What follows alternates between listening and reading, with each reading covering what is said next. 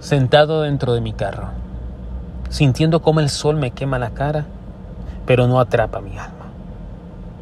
Pienso en el ruido y en el silencio de mis días. Me lleno de involuntarios silencios y me lleno de ruidos voluntarios. Leyendo y escuchando palabras al viento con eco y viendo en el aire castillos pintados, sin brocha y sin lienzo. Dejo de pensar.